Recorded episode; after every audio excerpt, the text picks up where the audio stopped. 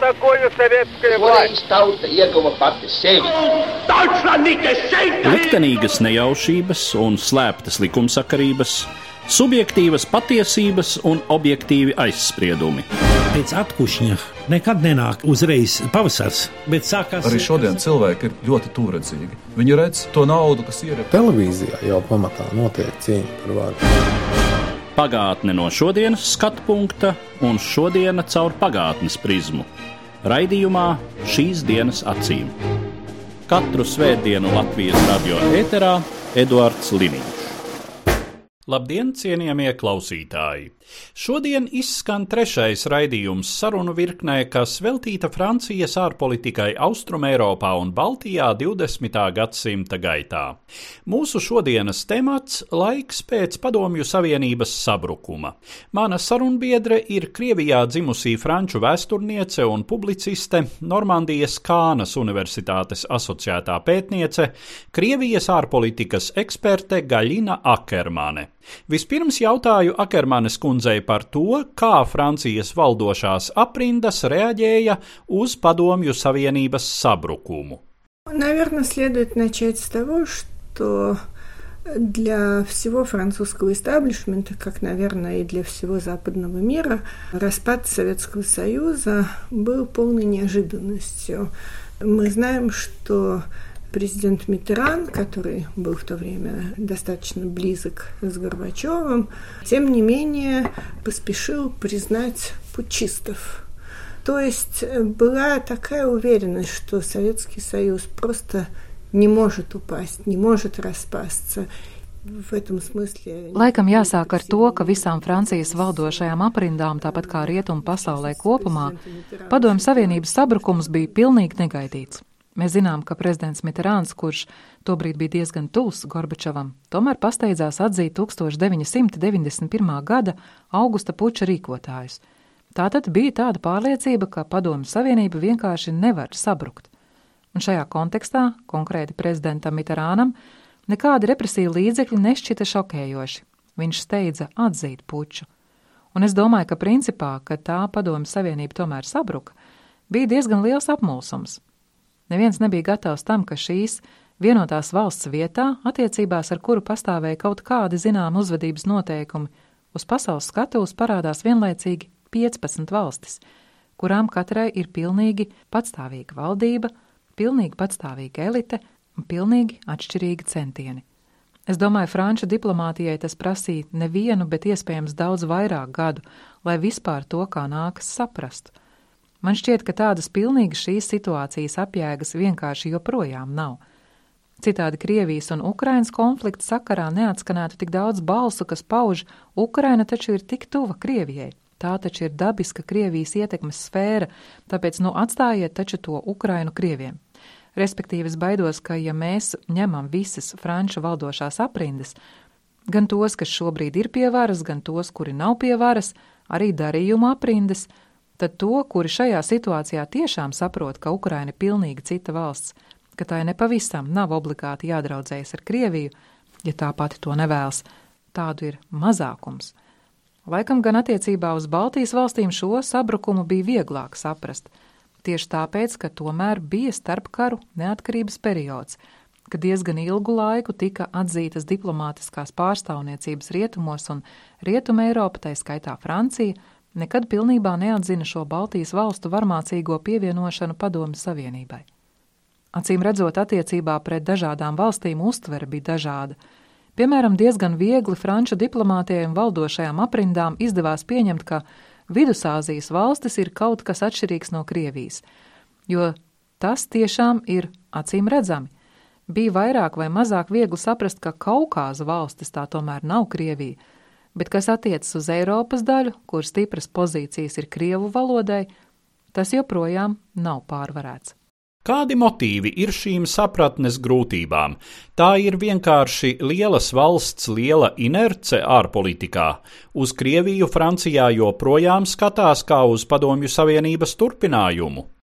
Не надо забывать об этом. Это очень важный момент. Эти дипломаты в основном не мальчики и девочки. Они уже люди какого-то возраста, когда они приходят к тем постам, на которых принимаются решения. Они учились... Ir tāds ļoti svarīgs moments, kuru noteikti nedrīkst aizmirst. Šie diplomāti jau sen vairs nav puisīši un meitenītes, bet gan ļaudis jau zināmos gados, kad nonāk tajos posteņos, kuros tiek pieņemti lēmumi. Viņi ir apguvuši ar krievu valodu un krievu civilizāciju saistītas specialitātes, vai arī mācījušies izglītības iestādēs, kuras gatavo personālu valsts pārvaldei.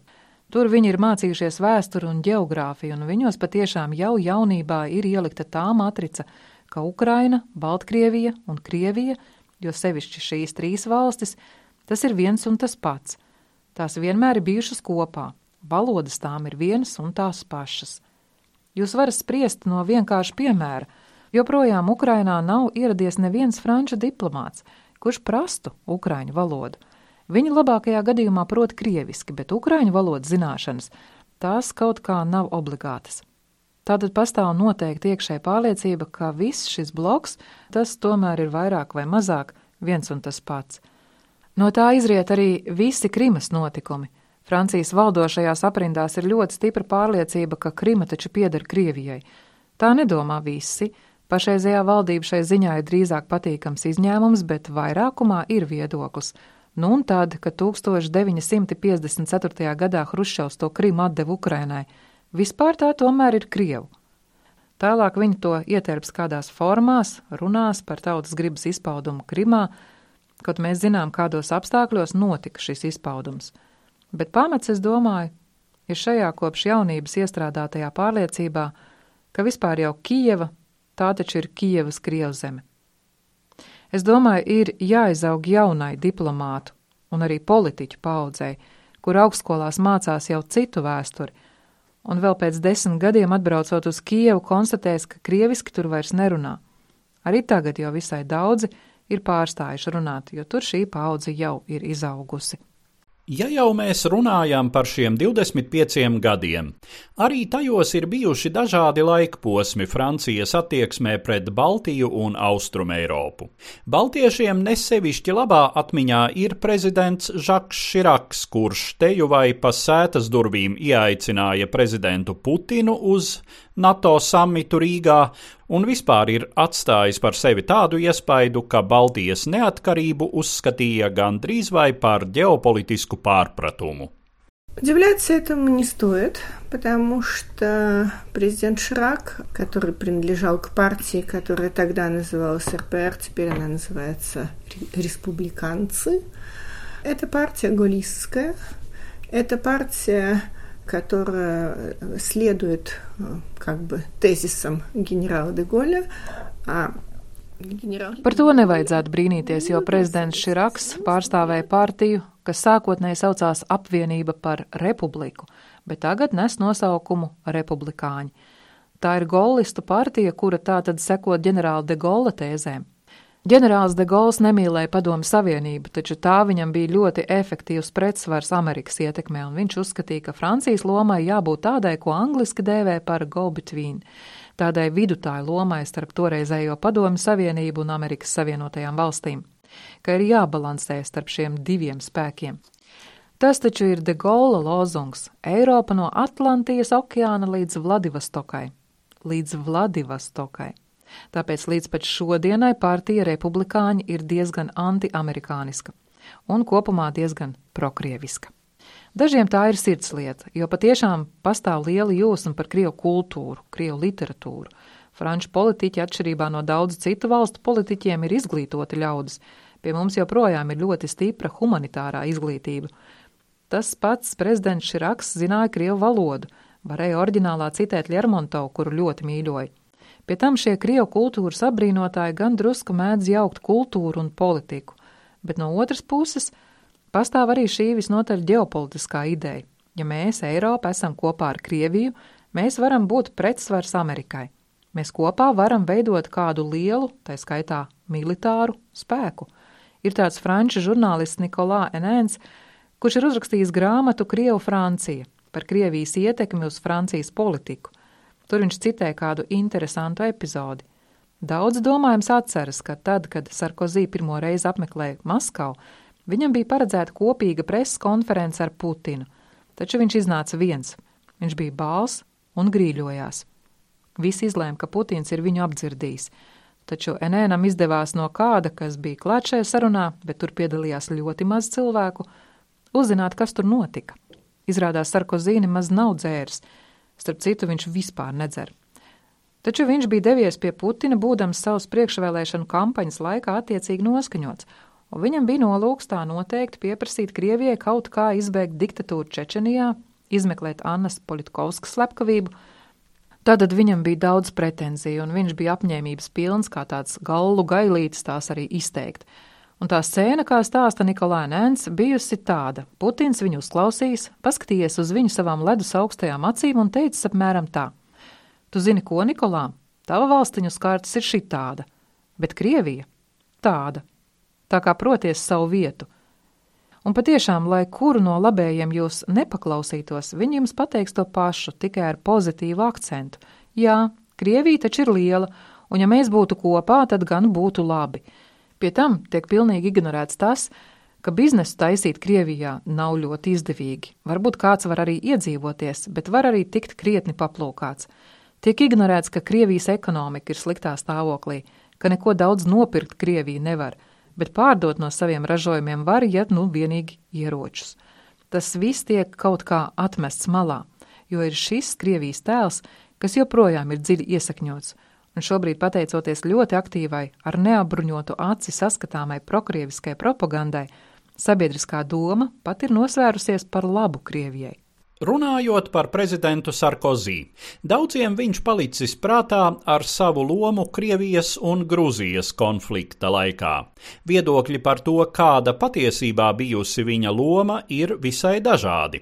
Vieni saka, viņš palīdzēja Putinam salauzt Sākašvili, citi, ka viņš gluži otrādi Putinu nobremzēja, vēl citi, ka viņam vispār izdevās novērst Trešo pasaules karu. Это сложный вопрос. Я думаю, что, конечно, больше всего подвели Саакашвили американцы, потому что один сильный жест со стороны Америки может быть, предотвратил бы вот это нападение. Мы знали, что скапливаются силы по ту сторону Ракийского туннеля. Всем это было известно. Tas ir ļoti sarežģīts jautājums. Es domāju, ka vissmagāk sāka švillī pievīla amerikāņu, jo viens spēcīgs žests no Amerikas puses var būt novērst šo uzbrukumu. Mēs zinājām, ka Krievija koncentrē spēkus savā rokas tuneļa pusē. Nevienam tas nebija noslēpums, un Gruzijas operācija Dienvidosetijā bija mēģinājums šo spēku iebrukumu nepieļaut, bet sāka švillī nebija viss izdomājis līdz galam stāsta, ka viņš esot lūdzis amerikāņu palīdzību, kad Krievu spēki sāka gāzties cauri šim rokas tunelim, bet šo palīdzību tā arī nesaņēma. Tā ka viņu nodeva pirmkārt amerikāņi, nevis franči. Neskatoties uz to, ka Sākašvilī kā centīgs skolnieks izpildīja visu, ko viņam teica, respektīvi visu, ko rietumvalsts no viņa prasīja. Viņš īstenoja visas ultraliberālās reformas, viņam viss bija kārtībā ar demokrātiju, un pat šosei no Tbilisī lidlauka līdz pilsētai nosauca par Džordža Buša avēniju, bet tas viņam nepalīdzēja. Tā kā Sarkozī, kā tobrīd Eiropas Savienības prezidējošās valsts vadītājam, nācās iztrept to putru. Kā runā, jo visus dokumentus jau mēs neesam redzējuši, viņu esot apšmaukuši tulkojumā, ka viņš it kā vienojies par pilnīgu Krievijas spēku izvešanu, bet uz papīra vienošanās izrādījusies tikai par tālākas virzīšanas apturēšanu un arī tad, zinām, kustība notika arī pēc vienošanas noslēgšanas. Vai viņš izglāba Sākašvili, grūti teikt, jo mēs nevaram zināt, vai Putinam tiešām bija plāns iekarot visu Gruziju, vai arī viņam bija diezgan ar šīm divām strutojošajām brūcēm. Gruzijas miesā šiem 20% atrautās teritorijas, kas ļāva tālāk ļodzīt šo sistēmu. Tas ir tas pats scenārijs, kas šodien tiek īstenots Ukrainā. Acīm redzot, Krievija negrasās sagrābt visu Ukrainu, Pietiek, ka ir šīs strutojošās brūces, šis spiediens. Tā kā laikam jau arī Sarkozī tomēr drusku pievīla sāka švillī. Tomēr acīm redzam ir tas, ka šie Gruzijas notikumi aizsāka gluži jaunu un daudz agresīvāku Putina ārpolitiku, jo viņš tika sveikā cauri. Amerikāņi neko neizdarīja, lai šo notikumu attīstību aizkavētu. Nekādas sankcijas toreiz netika ieviestas, un tas viņam atraisīja rokas. Tieši tāpēc bija iespējama Krimas sagrābšana, divu lielu Donbasa rajonu pakļaušanu savai kontrolē, un tāpēc tagad var tālāk izvērsties Sīrijā, Kubā, Vietnamā, uzsākt sarunas par kara bāzi Eģiptē, rīkot neskaitāmas provokācijas Rietuma Eiropā ar savām lidmašīnām un zemūdenēm. No rietumu puses bija absolūti liktenīgs lēmums neievies sankcijas pret Krieviju, ja ne pirms konflikta ar Gruziju, tad vismaz pēc šī konflikta. Cik izplatīta šobrīd Francijā un Rietumēropā ir izpratne, ka nepretošanās Krievijai nozīmē agresora apetītes veicināšanu, ka vēlnam tika atdots mazais pirkstiņš, un nu jau viņš ir ticis līdz pusrokai. К сожалению, эта ситуация, конечно, имеет некоторые исторические аналогии с тем, что происходило в годы, предшествовавшие Второй мировой войне – когда каждый шаг э, Гитлера казался последним. Ну, вот это ему еще дали, и дальше он успокоится. Э, Diemžēl šajā situācijā, protams, ir zināmas vēsturiskas analoģijas par to, kas notika gados pirms Otrā pasaules kara, kad ik viens Hitlera solis šķita pēdējais. Lūk, iedosim viņam vēl šo, un tad jau viņš nomierināsies. Un pat tad, kad viņam atdeva Poliju, domāja, ka nu gan viņam būs miers. Viņš, protams, nenomierinājās, jo nekad nebija pat taisies to darīt. Šodien Eiropa tomēr reaģē nedaudz labāk. Es uzskatu, ka ļoti liels sasniegums ir jau tas, ka ir izdevies ieviest šīs sankcijas, pie kam nevis smieklīgas, kāda bija pirmā sankcija pakete pēc Krimas aneksijas, bet gan pietiekami nopietnas, kuras nepārprotami kaitē Krievijas ekonomikai, un kuru efektu vēl pastiprina ienākumu kritums no naftas un gāzes tirzniecības. Tātad analoģija par laimi nav pilnīga. Tomēr Eiropas valstu kompānijā, kurā pēc Brexita mēs pilnvērtīgi varam skaitīt vairs tikai 27 locekļus, ir savi strēklauži, tāpēc mēs nezinām, cik ilgi šīs sankcijas noturēsies. Taisnība sakot, vajadzētu ieviest vēl jaunas sankcijas, jo tas, ko Krievija dara Sīrijā, ir pilnīgi nepieņemami. Taču pagaidām ir tikai ieviestas smieklīgas sankcijas pret Asadu, kuram no tā ne silts, ne augsts, bet pret Krieviju šai sakarā kādas sankcijas ieviest pat nemēģina. Man šķiet, ka šodien vienīgā pareizā ir Krievijas ekonomiskā atturēšanas politika - vienkārši nedot kredītus, nedot tehnoloģijas, pēc iespējas traucēt kapitāla plūsmas. Vai Eiropa to izturēs, man pagaidām nav skaidrs. Ir tomēr vairākas valstis, kuras ļoti būtiski iestājas par sankciju atcelšanu, un ja nebūs jaunu sankciju, tad Putinam tā būs vēl viena zīme, ka var ņemt un apēst visu roku, bet pēc rokas arī visu pārējo. Tas liek uzdot nākamo jautājumu, vai franči ir gatavi mirt par narvu? Нет. Сразу скажу. Французы, я даже не знаю, готовы ли погибать за Францию. Уж какая там нарва. Французы не готовы были погибать во время Второй мировой войны. Вы же э, видели, что французы прекрасно существовали за. Nē, teikšu uzreiz. Es pat nezinu, vai Franči ir gatavi mirt par Franciju, kur nu vēl par Nārvu. Franči nebija gatavi mirt Otrajā pasaules karā. Jūs taču zināt, ka, ja neskaita diezgan nedaudz izņēmumus, De Gaulle brīvās Francijas armiju un partizānus, vairums franču tautas visai sekmīgi eksistēja Višī režīmā un Vācu okupācijā. Es domāju, pēdējie varonības uzplūdi Frančus piemeklē Pirmā pasaules kara laikā. Un toreiz tik daudzi gāja bojā, ka tagad tā jau ir kāda ģenētiska atmiņa ka draugi labāk nevajag karot. Francijai, protams, ir profesionāla armija, kura reizēm karo karstajos punktos, starp citu Olands Malats pat aizsūtīja franču karavīrus uz Malī, bet vidusmēra francūzes - nē, nē, nekādā gadījumā. Pagātnē simpātijas pret Padomju Savienību bija neizbēgami saistītas arī ar ideoloģisku orientāciju. Nevarēja neformulēt savu attieksmi pret tur valdošo totalitāro ideoloģiju. Vai šobrīd Francijā tiek analizēts, kāds ideoloģiski ir pašreizējais Krievijas režīms un kā pret to būtu jāattiecas no šī viedokļa? Это тоже довольно сложный вопрос. Книг немало И некоторые из них очень хорошие. Например, была замечательная книга такого молодого относительно французского философа, ну, из русской семьи первой эмиграции, такого Мишеля Ильчининова «В голове у Путина», где он показывает идеологические корни не столько того, что в голове у Putina, потому что в голове у Putina. Tas arī ir diezgan sarežģīts jautājums. Grāmatu nav maz, un dažas ir ļoti labas. Piemēram, ir lieliska, gados vēl salīdzinoši jaunā krievu izcelsmes franču filozofa Mišela Elčaņinova grāmata Putina galvā. Tajā viņš atklāja ideoloģiskās saknes ne tik daudz tam, kas Putina galvā, jo es domāju, Putinam galvā ir tikai kādas atskaņas no daudz kā, bet viņam pašam patiešām tūs ir visai primitīvs padomiskums – Taču pietuvināto loks, kas veido Putina tēlu, atrodas spēcīgā diezgan reakcionāru Krievijas pirmsrevolūcijas un emigrācijas filozofu ietekmē. Principā visa Krievijas ideoloģija ir ļoti reakcionāra, un nevar teikt, ka par to pavisam nebūtu runāts un rakstīts, bet paradoxālā kārtā nozīmīgam Francijas politiskajam spektram arī tas patīk.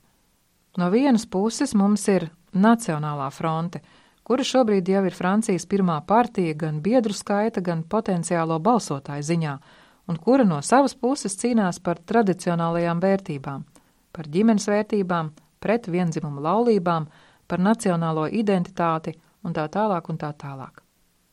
Viņam Putina ideoloģija, Putina absolūti reakcionārās pozīcijas, tā ir vienkārši dāvana, Vienu reizi es kā žurnāliste biju klāt seminārā, kur bija arī dāmītes no tā dēvētā franču pavasara, kuru galvenā tēma ir cīņa pret vienzimumu laulībām.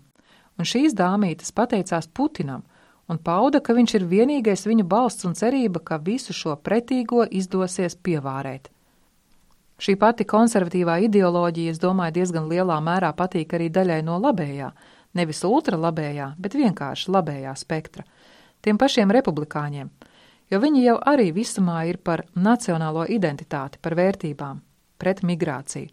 Respektīvi, šai Putina precei ir pircēji.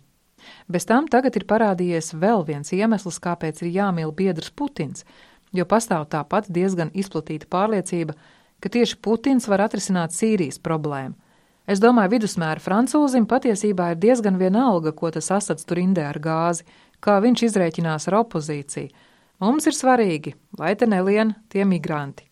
Un pastāv pārliecība, kura patiesībā ir pilnīgi pretēja realitātei, ka tieši Putins, ja viņš ieviesīs kārtību Sīrijā, ļaus pielikt punktu šai briesmīgai migrācijai. Tad mums attiecīgi nebūs jāuzņem migranti, jo mums jau tā ir 10% musulmaņu. Pastāv šīs paniskās bailes no migrantiem, it kā tie būtu kādi citplanētieši iebrucēji, un Krievija piespēlē šai izjūtai. Ja jūs lasāt Krievijas publikācijas, Krievu komentārus, ir skaidrs, ka migrantu problēma tiek visiem spēkiem uzpūsta. Protams, ka vienkārši cilvēki, kuri neko daudz nesaprot no politikas, ja viņiem zīmē šos migrantus kā īstus ēles izdzimumus, no tiem baidīsies un domās, ka Putins mūs glābs. Papildinot jau teikto, es jūs lūgtu vēlreiz sistemātiski uzlūkot Francijas politisko spektru tā attieksmē pret Putinu un viņa politiku. А будет очень интересная картина. С одной стороны, есть э, Национальный фронт, с ними все ясно. Они полностью, сто процентов, двумя руками и двумя ногами за Путина. Дальше среди республиканцев есть, я думаю, две основные тенденции. Būs ļoti interesanta aina. Vienā galā ir Nacionālā fronte, ar viņiem viss ir skaidrs, Viņi ir pilnīgi abām rokām un abām kājām par Putinu. Republikāņu vidē, es domāju, ir divas pamattendences. Dominējošā iespējams tomēr ir tā, ka draudzība ar Krieviju ir nepieciešama. Šo līniju pauž Sarkozī un viņa bijušais premjerministrs Fions, kurš kandidē uz prezidentūru. Otram galvenajam priekšvēlēšanu pretendentam, Alenam Žipē, attieksme pret Krieviju ir atturīgāka. Viņu nevar saukt par prokrievisku, un vispār viņš, es teiktu, ir vairāk centrisks nekā labējais. Kas attiecas uz pie varas esošo Francijas sociālistisko partiju, tad sociālisti ir ļoti sašķelti, un valdībai ar prezidentu Olandu priekšgalā nepārprotami nav sociālistiskās partijas vairākuma atbalsta.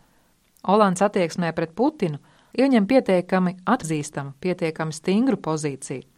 Olands viņiem nepārdeva mistrāls, kas tomēr bija ļoti spēcīgs solis – un tāpat Olants atteicās piedalīties kopīgi ar viņu dažādos svinīgos pasākumos Parīzē, kāpēc Putins arī neieradās pēdējā plānotajā vizītē Francijā. Faktiski Olands laupīja Putinam triumfu Parīzē, taču Olandam nav nekādu izredzu uzvarēt nākamajās vēlēšanās. Pat ja viņš izvirzīs savu kandidatūru, es domāju, viņš neuzvarēs sociālistu priekšvēlēšanās. Kas no sociālistiem varētu uzvarēt, pilnīgi nav skaidrs. Viņa visur šobrīd ir, kā saka franči, grosts ar krabjiem, jeb kā to sauc krieviski, burka ar zirnekļiem.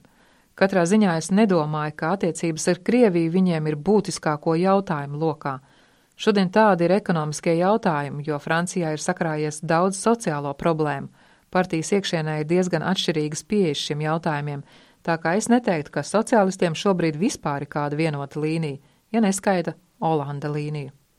Kas attiecas uz galēji kreisajiem, tad mums ir kreiso partijas līderis Žans Liks Melanšons, kurš paradoxālā kārtā arī nav Putina pretinieks.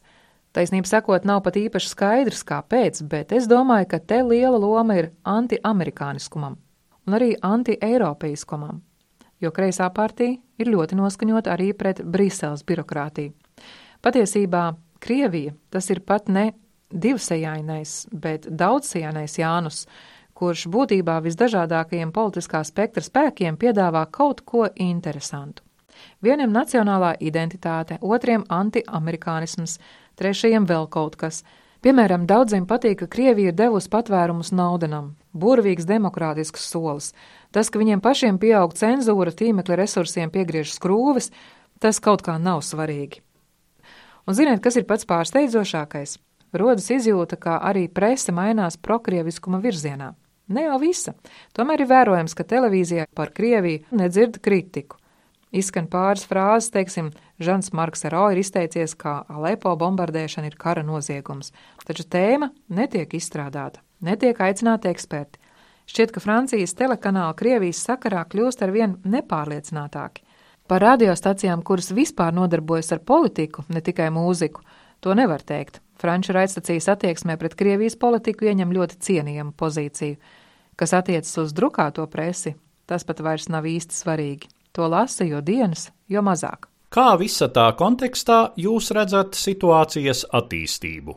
Я думаю, Путину очень повезло с тем, что его продвижение на все более воинственные националистические и реакционные позиции совпало с ростом популизма во многих странах Европы и в Америке. Собственно, Трамп это Ziniet, es domāju, ka Putinam ir ļoti paveicies, ka viņa virzīšanās uz arvien karavīgākām, nacionalistiskākām un reakcionārākām pozīcijām sakrit ar populismu pieaugumu daudzās Eiropas valstīs un Amerikā, kur Trumps ir šo pašu tendenču iemiesojums.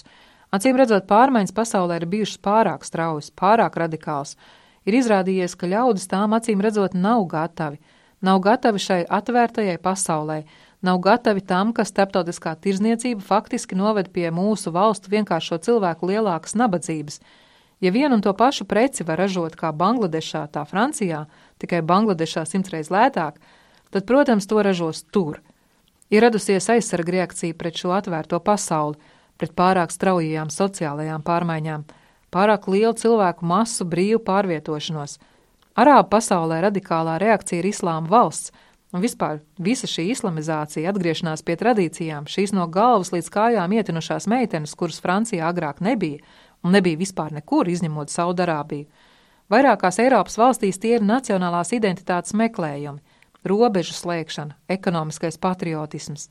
Plus Austrum Eiropas valstīm padomju audzināšana nav palikusi bez pēdām. Padomju Savienības sabrukums bija bumba ar laika degli, un tie lādiņi sāk sprāgt tagad, Šobrīd mēs virzāmies pa ceļu, kas savā galīgajā konsekvencē, kuras ceru nekad netiks sasniegta, var novest pie Eiropas Savienības sabrukuma. Ja tas notiks, tad Krievija kļūs negluži Eiropas saimniece, bet ļoti daudzas Eiropas valstis tad tieksies pēc tuvības, pēc savienības ar Krieviju. Lai nostiprinātu savas pozīcijas, Eiropā šobrīd vispār ir tikai divas pilnvērtīgas armijas - Lielbritānijai un Francijai, Pat Vācijai nav labas armijas, jo pēdējos gados sociālā retorika bijusi pret militāriem tēriņiem. Eiropa nav gatava karam. Vienotas Eiropas armijas nav. Ja pie tam vēl Amerikā uzvarēs izolacioniskas tendences, tad tas var iznīcināt vai katrā ziņā ļoti stipri vainot NATO. Un šāds scenārijs agri vai vēl nozīmē lielu karu. Tā es uzskatu. Ja nu iezīmējam optimistiskāko scenāriju, tad tā ir Eiropas iekšējo pretrunu pārvarēšana. Tā kā to vēlas pirmkārt Angela Merkele. Es teiktu, ka šodien Merkele ir vienīgā īsti lielā personība Eiropas politikā. Ja viņu nepadzīs no varas, kas arī ir iespējams, un tātad izdosies nesagraut Eiropu, tad šo populismu tendenci varētu pēc kāda laika pārvarēt. Katrā ziņā pašreizējai situācijai var būt dažādi tālākās attīstības varianti. Atkārtošos, visbriesmīgākais būtu Eiropas sabrukums – katras valsts paša izolācija, jo tas automātiski nozīmē Krievijas kundzību Eiropā. Самое, конечно, было бы ужасное, это развал Евросоюза, замыкание каждой страны на себя, потому что это автоматически означает российское господство в Европе.